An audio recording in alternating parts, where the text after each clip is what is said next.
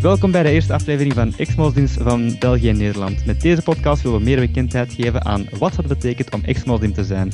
Ik ben uw gastheer Mehmet, samen met uw gastvrouw Jasmina. Hallo, welkom allemaal. Welkom allemaal. De reden waarom we dit doen is omdat het al te vaak gebeurt dat mensen die de islam verlaten ongelooflijk, ongelooflijk veel problemen tegenkomen. Ze worden verstoten van hun familie, ze worden niet geaccepteerd voor wie ze zijn en ze krijgen te maken met depressies en verschillende psychologische problemen als gevolg van de angst om ontdekt te worden als ze in de kast zitten. Of juist als hun familie het al weet vanwege de psychologische druk die ze ondervinden van hun kant. We willen hiermee de stemmen van ex-moslims laten horen, zodat het verlaten van de islam genormaliseerd wordt binnen de moslimgemeenschap. En ik besef dat dit wel zeer idealistisch is, maar men moet ergens beginnen. Ja, daar ben ik het helemaal mee eens. En ehm, wat, ja, daar wil ik iets aan toevoegen. Wat ik ook belangrijk vind, is dat. Um, dat klinkt misschien een beetje gek, want we willen juist het verhaal van de ex-moslims, van de niet-gelovige mensen naar voren brengen. Maar um, we hebben ontdekt dat juist de ex-moslims veel kunnen uitleggen aan niet-moslims over het geloof, over moslims, over hoe dat is. En uh, ja, dat is een belangrijke functie die deze verhalen ook zullen hebben. Um, Mehmet, jij bent zelf een ex-moslim. Zou je iets kunnen vertellen over jezelf? Kleine introductie? Zeker. Dus, ik zelf ben een ex-moslim van Turkse komaf en Mehmet is niet echt mijn naam. Het is een schuilnaam, want uh, ik zit nog in de kast. Mijn ouders weten niet wie ik ben. En uh, de kans bestaat, ja, dat ze me niet gaan accepteren voor wie ik ben. Uh, ik heb vooral angst van mijn moeder en van haar kant van de familie, omdat ze vrij religieus is. Ze is zeer conservatief en de reactie zou sowieso negatief zijn, maar uh, ik weet niet juist wat. Ik heb daar heel wat angst voor en dat gaat voor een momentje zo, uh, voor een momentje, voor een tijdje zo blijven. En ja, ik ben hier uh, geboren in België. Mijn grootouders zijn hier naartoe verhuisd van Turkije, enkele decennia geleden. En uh, beide van mijn ouders zijn hier opgegroeid. Allee, mijn vader is hier opgegroeid en mijn moeder is voor tien jaar in Turkije opgegroeid en voor de rest in Duitsland. En uh, ja, ik ben dan uh, voornamelijk beïnvloed door mijn moeder. Mijn moeder had de meeste invloed thuis en ze heeft me dan vrij religieus opgebracht. Ze heeft me geleerd dat islam de enige echte religie is, dat Allah de enige God is en dat de Koran de ultieme bron van de waarheid is. En ja, als je dan ziet dat de mensen rondom jou dezelfde dingen geloven, dan ga je er niet veel vragen bij stellen. En heb ik ook niet zo gedaan. Ik heb niet veel vragen daarbij gesteld. En uh, na een tijdje uh, begon ik ja, meer en meer interesse te hebben in islam. En uh, ben ik, toen ik rond mijn veertiende was, naar een islamitische secte gegaan. Het was een Sofitische secte eigenlijk. ja, het is islamitisch. En uh, toen ik daar binnenkwam, zag ik een scenario die ik nooit eerder zag. Ik zag daar een Sofitische dans. Ik zag daar mensen in een kringetje, uh, die, ja, hoe ik het best kan beschrijven. Ik zag ze headbangen, terwijl ze Allah, Allah, Allah zaten te zeggen. Zoek het maar op uh, YouTube als je er niets kan bij voorstellen. We doen er wel een link bij. In de... ja, ja, dat kunnen we inderdaad doen. En ja, ik zag dat en ik dacht van, wat is dat allemaal? Dat heb ik nog nooit gezien, zo'n vorm van aanbidding. Ik weet dat je de Koran kan lezen, je kan vasten, je kan de vijf, dag, vijf, vijf keer per dag bidden. Dus de gewone salaat. En dit, wat is dit? Nog nooit van gehoord, nog nooit gezien. Maar ja, ik zat daar nu eenmaal, ik heb me da daarbij gezet. En uh, op het einde heeft de imam een emotionele preek gedaan, wat mij uiteindelijk wel heeft geïntrigeerd. En uh, dan ben ik dus teruggekomen en uiteindelijk heb ik me aan die uh, secte aangesloten. Ik heb me daar aangesloten, ik heb me er uh, meer en meer in verdiept. En uiteindelijk was ik de meest religieuze mens binnen de familie. En uh, jammer genoeg ben ik nog steeds zo bekend. voor de meesten dan. En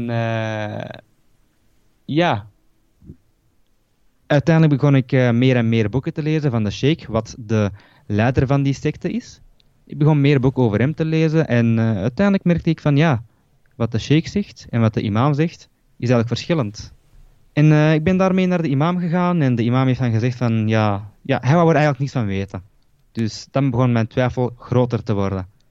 En uiteindelijk heeft dat geleid tot het geloofsafval. Dus uiteindelijk dacht je van ja, dat is allemaal bullshit.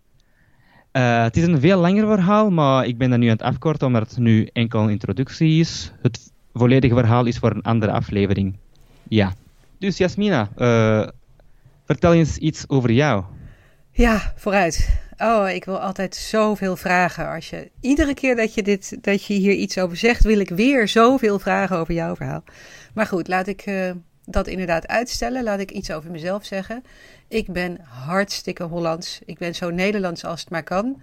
Nou, dat hoor je ook wel, denk ik. En uh, ik ben ook helemaal zonder geloof grootgebracht. Ik heb er zelfs vrij lang over gedaan om überhaupt een beetje te gaan begrijpen wat er nou eigenlijk aan de gang is met mensen die geloven. Want zoals ik ben grootgebracht, kreeg ik een beetje de indruk van. Uh, wat, wat mij een beetje verteld werd, was van: nou ja, uh, sommige mensen vinden het een prettig idee om te denken dat er een almachtig iets is. wat uh, een, een hemel voor je klaar heeft staan als je dood bent. Nou, dat leek mij ook een leuk idee. En ik had geen idee. Ik had echt geen idee. En, nou ja, dus op een gegeven moment kom je erachter dat dan toch wel mensen zijn die het allemaal wel vreselijk serieus nemen. Die dan ook nog vreselijk serieus nemen dat er een hel is. En zo ja, ben ik me er uiteindelijk in gaan verdiepen. En door me erin te verdiepen ben ik jou tegengekomen. Want ik heb op een gegeven moment was ik op zoek naar mensen die wilden vertellen over hun, hun voormalige geloof en hoe ze daar dan uitgekomen waren. En toen zei jij, nou, daar wil ik wel over vertellen. En uh, zo heb ik jou leren kennen, Mehmet. En um, nou ja, daaruit is deze podcast ook voortgekomen. En um, ja, wat zal ik zeggen? Nou, wat ik nu doe, ik heet natuurlijk helemaal niet Jasmina. Ik heb deze naam dus aangenomen om ook die ervaring op te doen. Wat het is als je uh, probeert, als je moet proberen om iets nieuws wat je in je leven doet, niet te laten weten aan de mensen om je heen. Dus ik heb deze naam, ik heb deze account en uh, dit ben ik helemaal niet in het echt. En ik vertel niemand in mijn omgeving dat ik dit doe. En dat is een, een, een manier om een heel klein beetje iets, iets te ervaren van hoe dat is om in een kast te zitten en om uh, allemaal van die gekke momenten. Dan denk ik aan, aan de leuke plannen die we hebben voor die podcast. En dan denk ik, oh ja, dit is leuk. En dan doe ik mijn mond open en dan doe ik mijn mond weer dicht. En dan denk ik, nee, wacht even, dat ging ik hier dus niet vertellen. Dus dat eh, zijn uh, boeiende ervaringen. En ja, voor de mensen die wij interviewen en voor jou, Mehmet, natuurlijk, uh, luistert dat veel nauwer en ligt dat veel zwaarder. Dat is bij mij dan niet zo. Maar het, het brengt me toch wat dichterbij bij de, de ja, wat voor wonderlijke gespleten wereld je dan krijgt.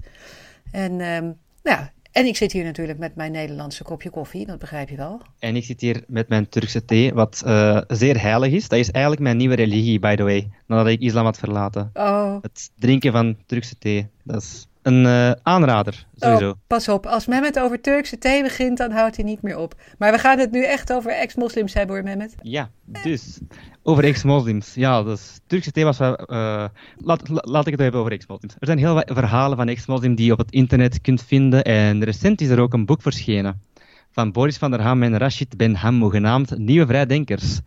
En uh, dat gaat dan dus over de verhalen van enkele ex-moslims. En voor mij was dat zeer moeilijk om te lezen, omdat het zeer herkenbaar was. Ik raad het zeker aan. Prachtig. En uh, ja, zeker. En laten we het zeer duidelijk maken. Dit is geen platform voor moslimhaat en racisme. Ik vind het jammer dat dit gezegd moet worden, maar al te vaak wordt er gebruik gemaakt van onze stemmen om uh, ja, haat tegenover moslims en te, ja, te propageren. En dat willen we zeker niet, dat appreciëren we niet. En als dat uw doel is, laat het dan zeer duidelijk zijn, wij willen niets met jullie te maken hebben. We zijn voor de mensheid en voor de verbinding, niet voor de verdeling. Zo is het. We willen de wereld tot één geheel helpen smeden. Wij willen ons kleine steentje bijdragen. We moeten samen verder met z'n allen. Daar staan wij voor. Nou, ik denk dat we zo onze belangrijkste dingen gezegd hebben, hè, Mehmet? Um, Zeker. Nou, luisteraars, hartelijk dank voor jullie aandacht. Als jullie vragen hebben of wensen, of als je je verhaal aan ons wil vertellen, stuur dan alsjeblieft een mailtje naar podcast.exmoslims.eu. Of je kunt ons ook vinden op Reddit, exmoslimsbenl, of op Facebook, de naam van de podcast intypen. En uh, dan zijn we er volgende keer weer met een interview met een ex-moslim uit België of Nederland. Tot dan! Tot dan, dag.